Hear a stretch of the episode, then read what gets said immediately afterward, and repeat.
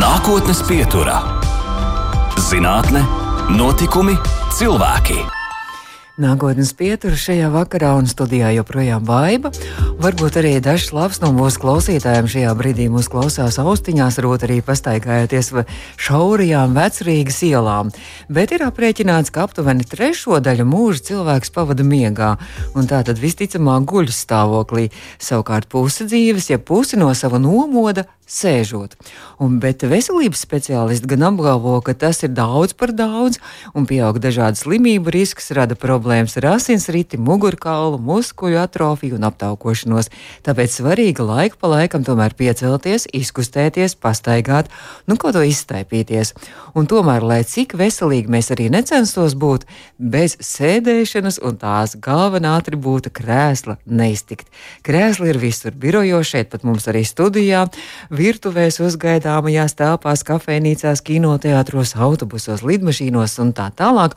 Un turklāt tie kļūst ar vien funkcionālāki un cilvēkam draudzīgāki, ergonomiski un viedi, ar uh, mūti sinhroniem mehānismiem un dažna dažādām iespējām, kas palīdz uzlabot ērtību un komfortu. Tā tas ir mūsdienās.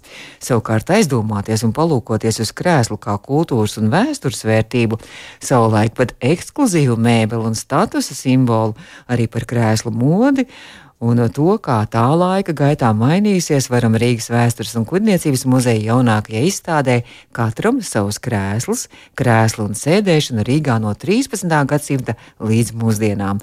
Un nākotnes pieturā viesojas viena no izstādes veidotājām - Rīgas vēstures un kuģniecības muzeja Rīgas vēstures izpētes un ekspozīciju darba nodaļas vadītāja, vēstures zinātņu doktore Margarita Barsdeviča. Labvakar!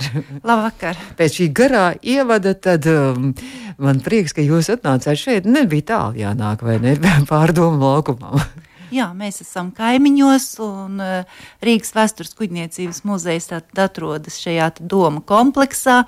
Kopš 27. oktobra mēs gaidām ciemos uz mūsu jauno izstādi, katram savs krēsls, kas ir arī veltījums muzeja jubilejai. Sveiciens jubilejā! Jā, paldies! Un, kā jubilejas izstāde, respektīvi saikne ar krēsliem muzeja jubilejai varbūt ir e, divējāda. Pirmkārt, jau mēs e, izpētījām un secinājām, ka arī muzejs ir dibināts Rīgas rātas locekļiem, sēžot e, krēslos. Mm. mums pat ir viens šā krēsla paraugs ekspozīcijā mm. izlikts no tiem, kas mums ir pieejami.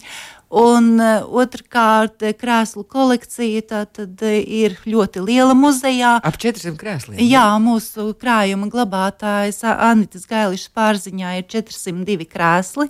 Izstādē no tiem gan jūs varat apskatīt tikai 44 krēslus, bet tieši kolekcija tas ir tā muzeja bagātība, vērtība, un tādēļ arī izstāde no vienas puses ir vērtī, veltīta Eh, šai krēslu kolekcijai, bet no otras puses mēs gribējām parādīt tieši, kā mainījās eh, sēdēšanas paradumi, tradīcijas, jo tas, kas mūsdienās ir ļoti ierasts, ka mēs sēžam mm -hmm. krēslos praktiski visur, un krēsls ir tā populārākā sēdmēbele, kā raksta mūsdienās, eh, tad pirms 300 gadiem tā bija vēl visnotaļ ekskluzīva pret tāda manta mhm. rīznieku mm -hmm. dzīvokļos. Bet taču jāsaka, ja krēsla vēsturi skaita 5000 gadu e, tālā pagātnē, tad Rīga līdz ar dibināšanu jau pazina krēslu. Jo, kā raksta Indriča kronika, e, Bīskaps Alberts ir ieradies kuģī vesdams līdzi savu krēslu. Tas tā visai interesanti. Tagad man liekas, ka mēs kaut kur braucam, varbūt uz kaut kādu brīvdabas festivālu vai kaut kur tam mēs paņemam līdzi savu saliekamo krēslu, bet krēsls noteikti nav tā lieta, ko mēs dodoties kaut kur ceļojumā. Jā, tas... bet e, tas saliekamais krēsls, ko jūs minējāt, tiešām ir savā veidā attīstījies no šī krēsla, ko lietoja biskupi un arhibīskapi, oh. kas ir pārņemts no uh, senās Romas impērijas, kuri pazīstams kā kurliskais sēdeklis, eh, kurā sēdēt arī bija ļoti liels privilēģijas, jo tiem Romas ierēģiem, kas krēslos sēžot, labi pildīja savu mm, pienākumu, tie varēja izmantot divvietīgo šo kurlisko mm. sēdekli. Bet nu, tātad augstākās personas un, un tādas ekskluzīvas personas un prominences varēja sēdēt krēslos, kur sēdēja vienkārši rīdzinieki, tā ne jau uz grīdas vai uz paklāja. Nē, no austrumos. sēdēšanai varēja izmantot visu, visu ko un sākot sākotnējās sēdmēbeles, tas ir lāde, tas ir ķēblis, tas var būt kāds koka cēlums. Respektīvi, sēdēja visur, uz ko, ko varēja izmantot sēdēšanai. Bet krēsls tā jau bija kā varas simbols, ekskluzīva mēbele un arī eh, sākotnēji līdz pat 18. gadsimtam Rīgas lielās mazās ģildes uh, locekļi viņi sēž uz sola, jo mums, mm. viņu augstākais vadības orgāns ir vecajos solis, tātad pēc sēdmēbeles. Bet runājot par šiem krēsliem, tad jūs arī jūs izstāde, laikam pirmā tā daļa, tāda nodaļa ir par tiem varas krēsliem arī tieši. Jā, nu, mēs tā, mums it kā rādam visu tādā chronoloģiskā secībā, kā šī sēdēšana krēslos izplatās. Un būtībā līdz 18.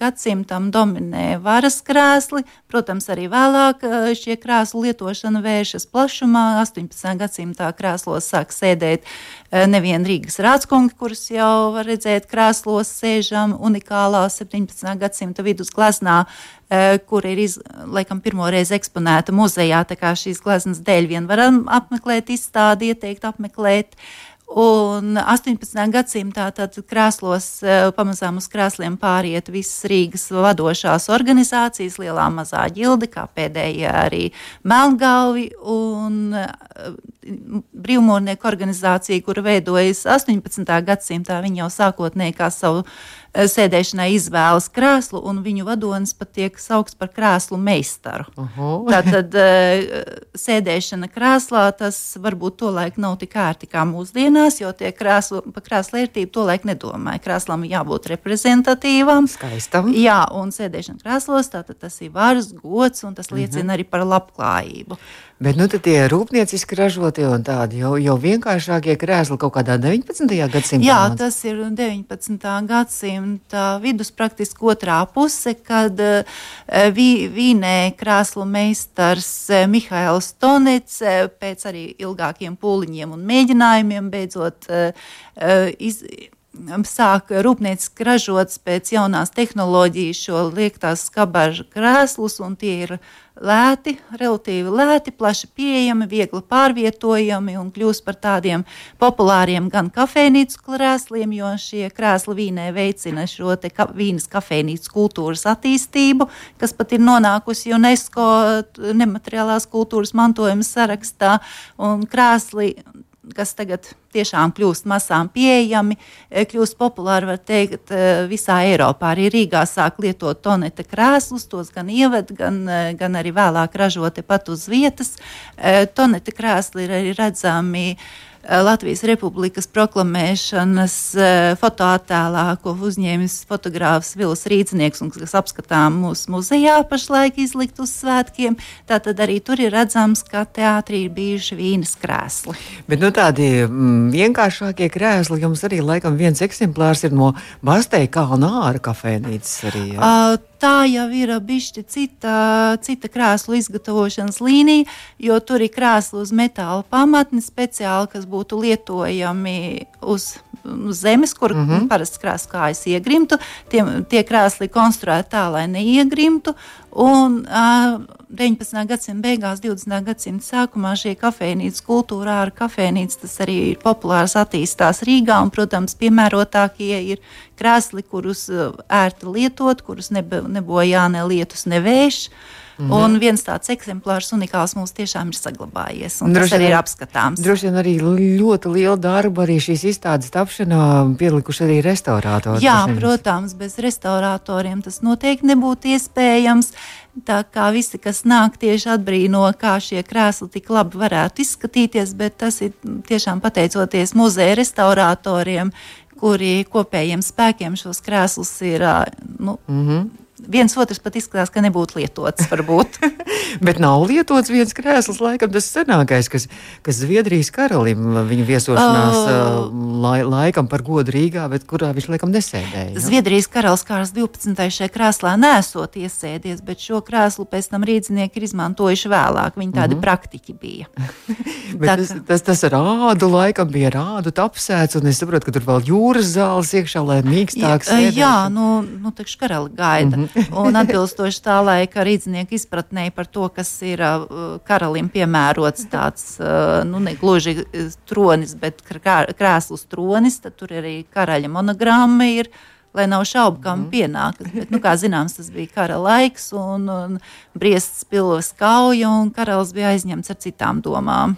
Bet tad vēl tāda interesanta krēsla, kurš uz, uz kaut kādām pagarinātām kājām ir, jā, kas, kas tur bija kas, kases, ah, nu, lūkos, kas, kases. Jā, kolēģijas krēslu. Jā, 18. gadsimta šajos Rīgas rācinamā lietoto krēslu vidū izceļas kas kolēģijas krēsls, kurš atšķirībā no rādskongu krēsliem ir pa, sēdvieti pa 20 centimetriem augstāka. Uh, Un tas krēsls tāpēc tāds ir veidots, jo kas kungi pārzina pilsētas kustamos, nekustamos īpašumus, pilsētas naudu.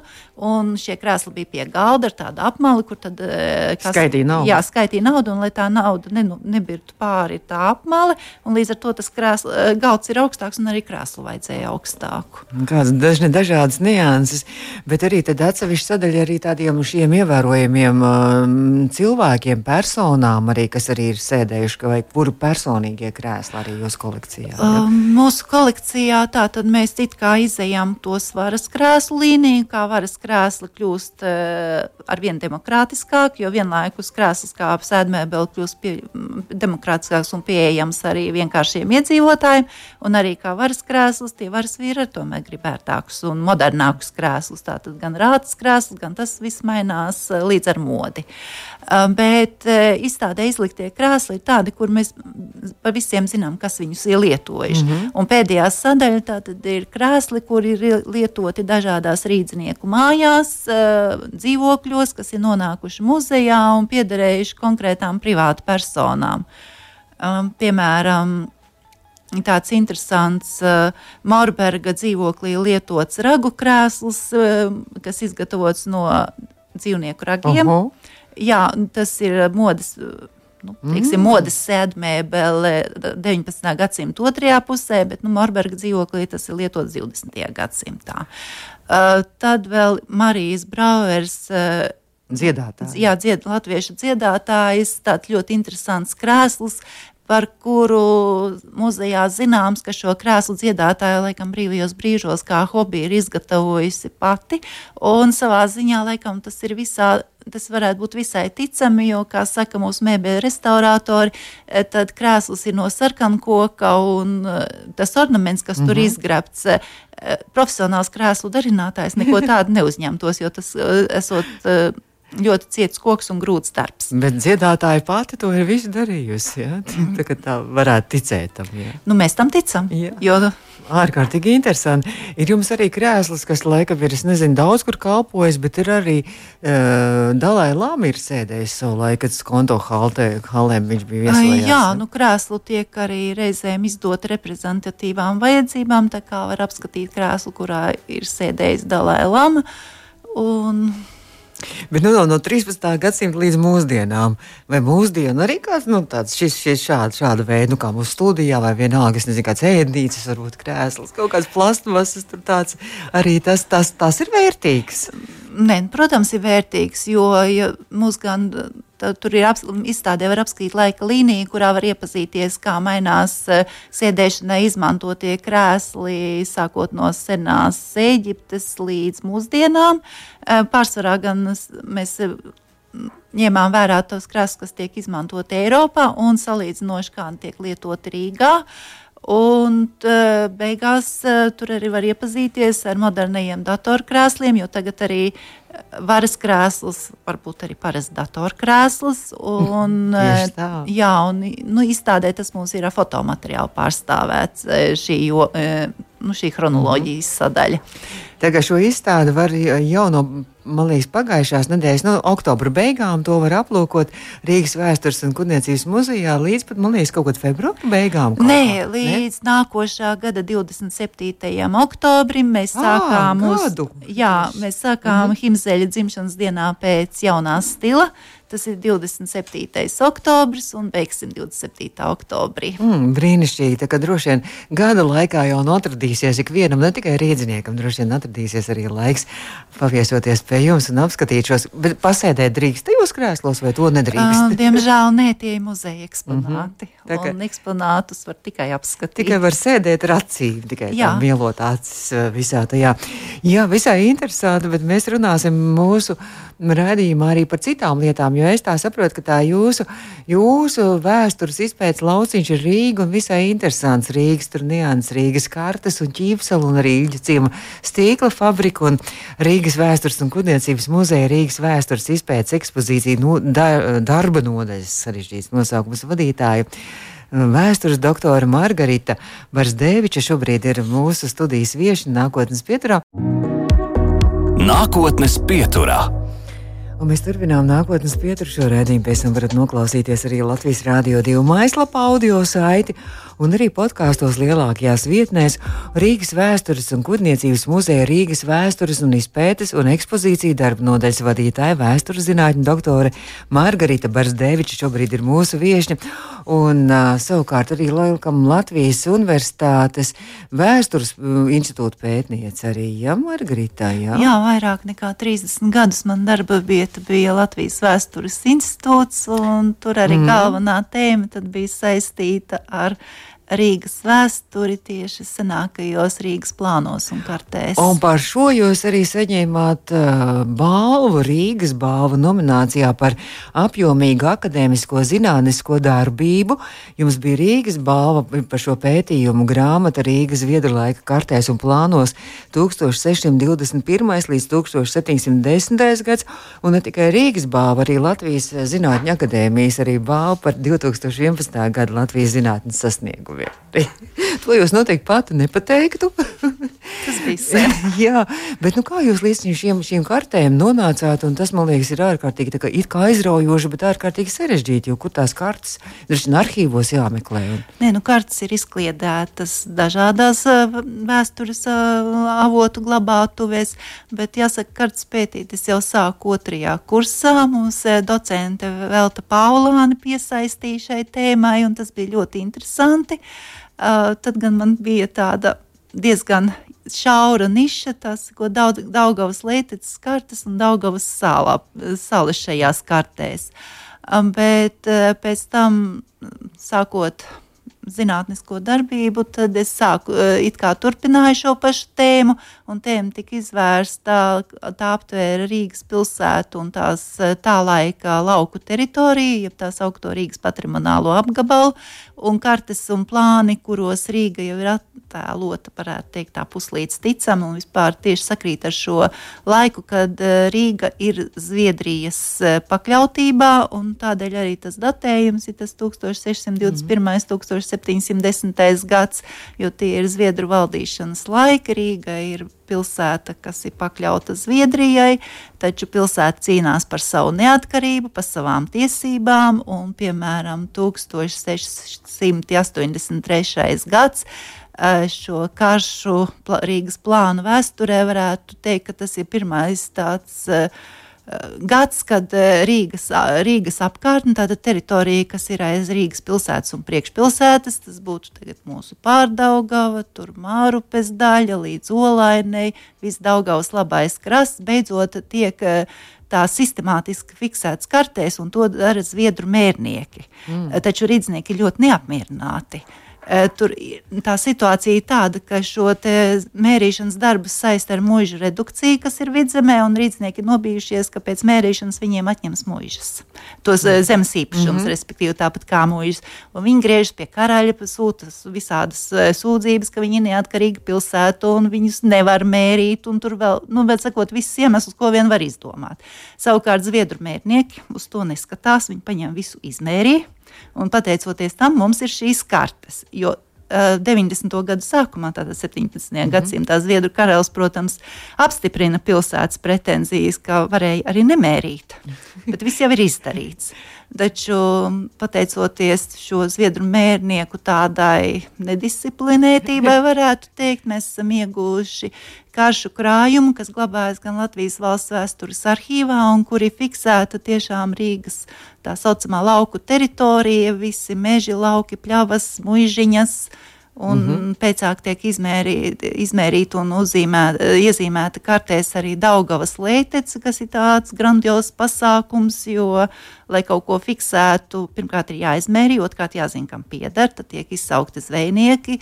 Sarunās ar zvejniekiem tiek precizētas gan lomu vietas, jo tā, kur oh. katrā vietā zvejot nevar, teiksim, pie ķīpsalas tur bijuši vairākas lomu vietas, tā, tā, tā teritorija ir iezīmēta, ir noteikti šīs zvejnieku vienības, kuras tur eh, drīkst tās lājus, mm. kuri drīkst zvejot, kuri ne, tas viss tur tiek precizēts.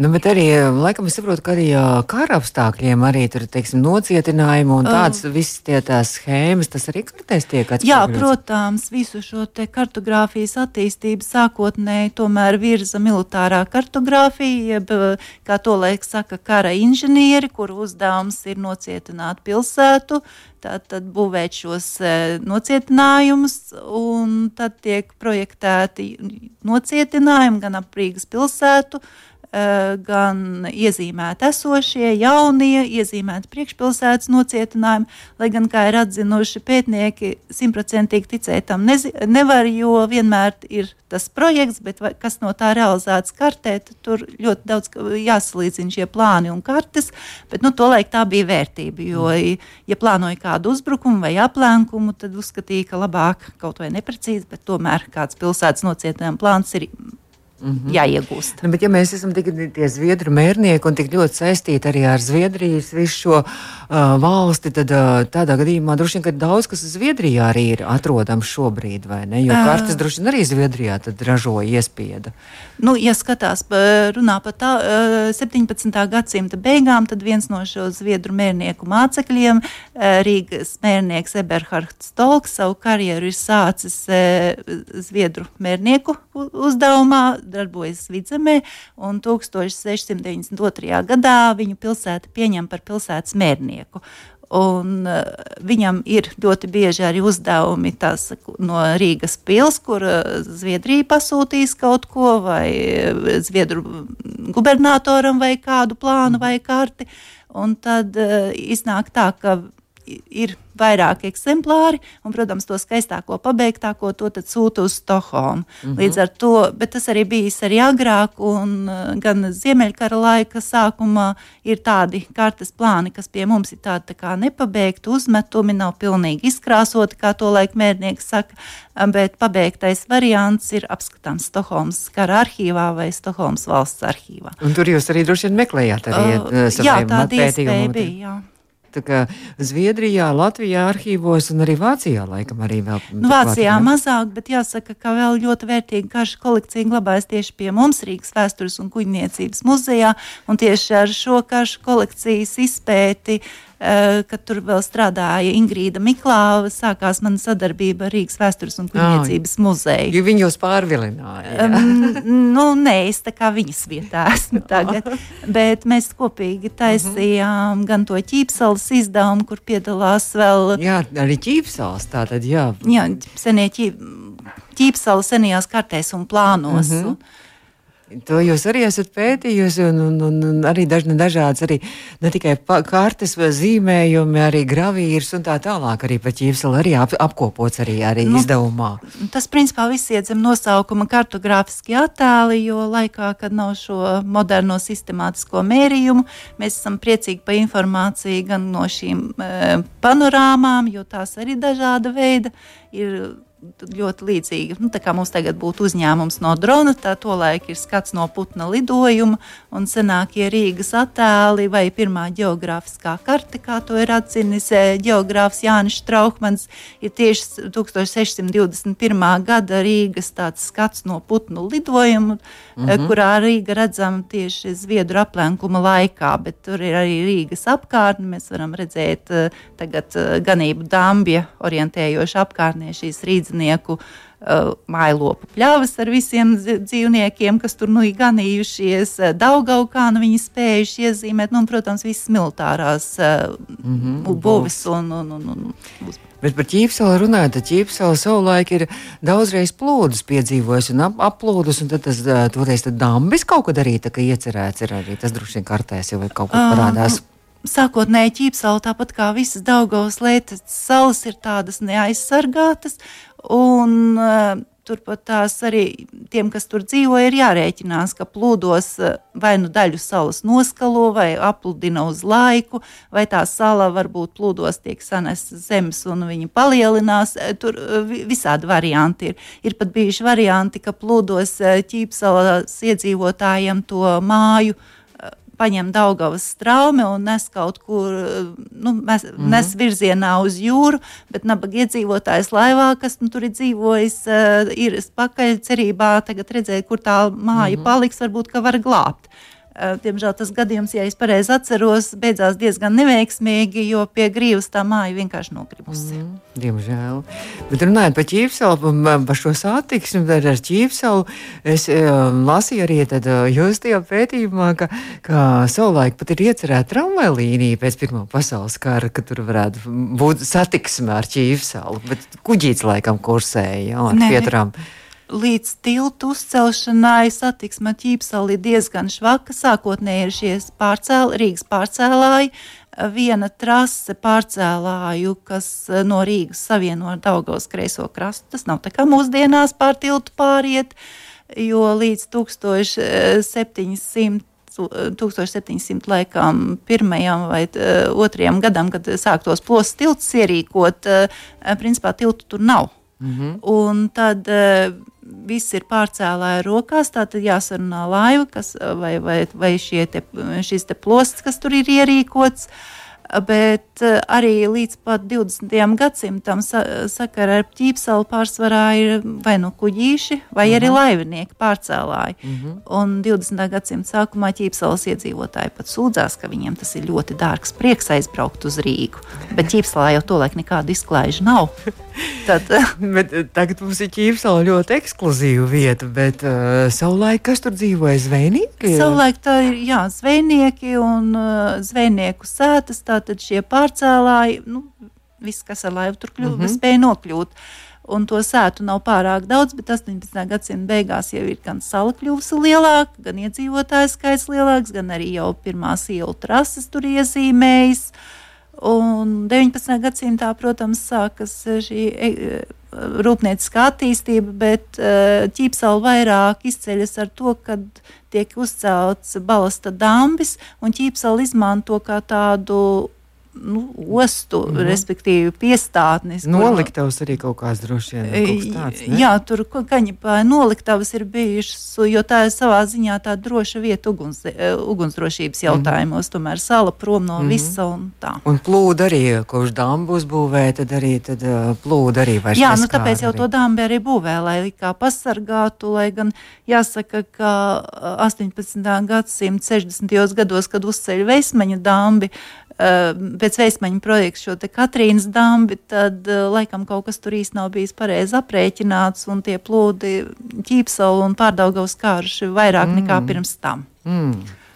Lūk, ko mēs daudz ko interesantu uzzinām, bet laiks strauji rit uz priekšu.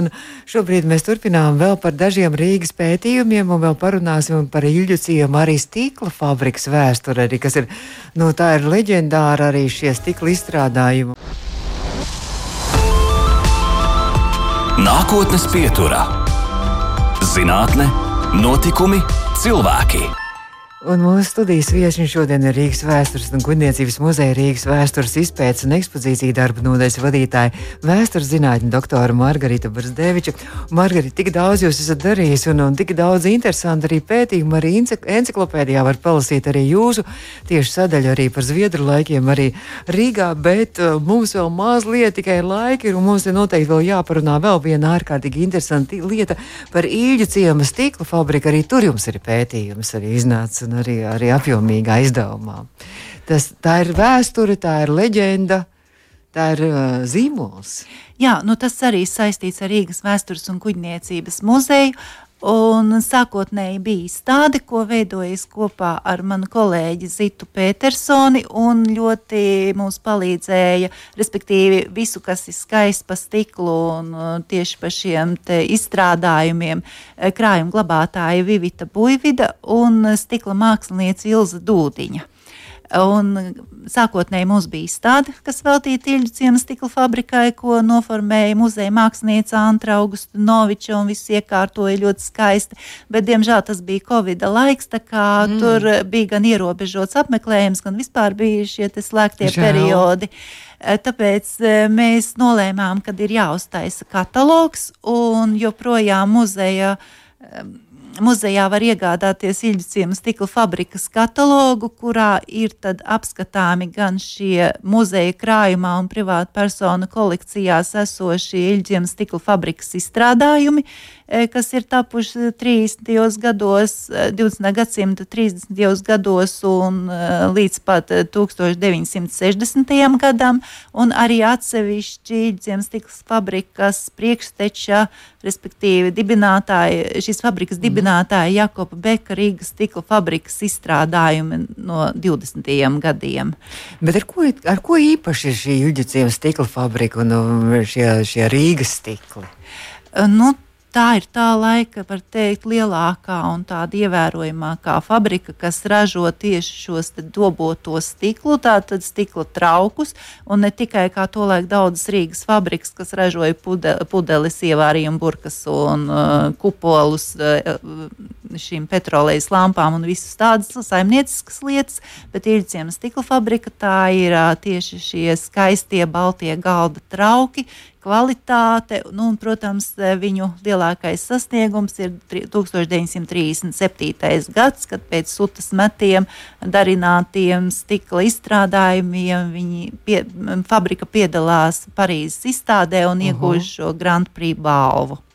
Bet uh, tas nozīmē, ka, ka ne tikai šeit, uz vietas, to stiklu varēja iegādāties un priecāties, bet tas jau bija izgājis ārpus arī mūsu robežām, arī kaut kur Eiropā jau bija slavens. Uh, nu, varbūt būtu kļuvis ļoti slavens, bet, kā zināms, visi šie politiskie mm. notikumi un karš, jo 1937. gada Parīzes izstādes panākumi rosina attīstīt tālāk šo tieši dekoratīvā mākslinieckā stikla ražošanu, eh, kur eh, gan sutami bijuši īpaši mē, eh, speci, tādi lieli nodomi, kā attīstīt eh, kristāla stikla izstrādājumu ražošanu un slīpēšanu, nu, lai būtu mākslinieca kvalitāte, lai būtu skaisti, eh, skaisti un pieejami. Um, bet eh, par tādu eksportu īpaši runāt nevar, taču Latvijā viņi kļūst ļoti populāri. Mm -hmm. Arī Daugaus kreisajā krastā tolaik darbojas stikla fabrika Neofēniks, kura kopš 1939. gada arī cenšas ražot tāpat tās skaistus dekoratīvus kristāla stikla slīpētos traukus, un man mums pat šķiet, ka mazliet atdarināt šo uzņēmumu. Bet nu, tagad tiem ir ļoti liela vērtība, jo droši vien tikai kaut kādās kolekcijās, varbūt kāda mājās vēl ir no kaut kādām vecmāmiņām, vectētiņiem saglabājies arī kāds. Jā, jo šie stikla izstrādājumi ir kļuvuši par tādu eh, kolekcionāriem iecienītu eh, kolekcionēšanas objektu, eh, bet arī ļoti daudzās mājās viņa stikla izstrādājumi, kas ražot Iļģiem stikla fabrikā ar šīs firmas zīmogu, pat mm -hmm. zīmola glabājas kā tāda ģimenes relikvija mm -hmm. vērtība, ko nodot no paudzes paudzei. Un, Un mums uz izstādi arī nāca cilvēki un teica, ka viņiem mājās ir tādi un, un, un līdzīgi vai vēl skaistāki. Bet nu, žēl, ka tā izstāde vairs neturpinās. Varbūt būtu vērts kaut ko tagad beidzies Covid, cerams, un varbūt kādreiz nu, ir atjaunot arī šo ekspozīciju. Nu, tad varbūt kādā bišķi citādākā rakursā un plašāk, bet pagaidām tiešām, kas ir saglabājies, ir šīs izstādes katalogs, kurš izdeva mhm. pateicoties uh -huh. neputnam, kas mums uh, palīdzēja. Uh mhm. -huh Bet tā kā mm, plānu un bezgalīgi daudz iespēju droši vien jums rīkot, un, un, un, un ideju arī bezgalīgi daudz, vai tagad jau arī ir zināms, kas, kas, kas vēl ir gaidāms pēc krēsliem, tāds interesantākais. Nu, muzejā, muzejā izstādes to, bet uh, par to tagad būs konkrētāk zināms termiņš, kad tiks atklāts, tad mēs stāstīsim. Tad mēs arī aicināsim. Jā. Un turpinās arī jūsu muzeja 250. jubilejas gads, tā kā, tā kā droši vien arī jums uh, ciemiņi jūs laipni tiek gaidīti tikai Jā. pirmdienās, otrdienās, laikam Jā, mēs tagad pa ziemu un pirmdienās, otrdienās nestrādājam, bet pārējās dienās laipni lūgti gan apskatīt pastāvīgo ekspozīciju, gan restaurātoru darbu izstādi, kas vēl ir skatām pirmajā stāvā, un, protams, uz mūsu izstādi katram savs krēsls. Nu, jā, tas šobrīd ir aktuāls, un tagad veselu gadu to var arī aplūkot. Man jāsaka, liela paldies. Vai, kā, kā, kāds būtu jūsu mīļākais krēsls, ja jums būtu, jūs varētu no izstādes izvēlēties savu krēslu, kurā sēdēt? Nu, laikam no tiem krēsliem, kas izlikti, protams, interesants ir tas, kas kolēģijas krēsls, bet es veisiņā gribētu sēdēt. Uz tām augstajām kājām, jā, jā. un skaitīt naudu. jā, jo tur, tur ir krēsls skaistumam. Mm -hmm. Krēsla kā tāda vēsturiska vērtība, bet sēdēšanai varbūt tomēr kaut ko ērtāku. Es ceru, ka pietiekoši ērti bija pie mums šeit studijās sēdēt mūsu krēslā uz riteņiem, un kurš var bežķiņi arī pabraukāt un paregulēties. Un man jāsaka liela, liela paldies Margarita Barsdeviča Rīgas vēstures un kuģniecības muzeja uh, speciālistu un arī vēstures zinātņu doktoru mūsu studijā bija viesņa. Un uh, tad uh, radījuma noslēgumā viena no dziesmām, kuras izvēlējos, ar jūsu akceptu. Uh, jo mēs runājam par Rīgas stikla fabriku, un Raimonda Paula tēvs un arī vectētiņš laikam ir bijuši arī stikla pūtē vai stikla slīpētāji, jūs teicāt? Jā? Uh, nu, dokumentos minēts, ka sa darbu sākuši kā, kā stikla slīpētājs, bet, nu, kā zināms, šī ģimene ir cieši saistīta ar Rīgas stikla fabriku, jo tur ir strādājušas vairākas paudzes. Es saku paldies jums! Izskan nākotnes pieturā.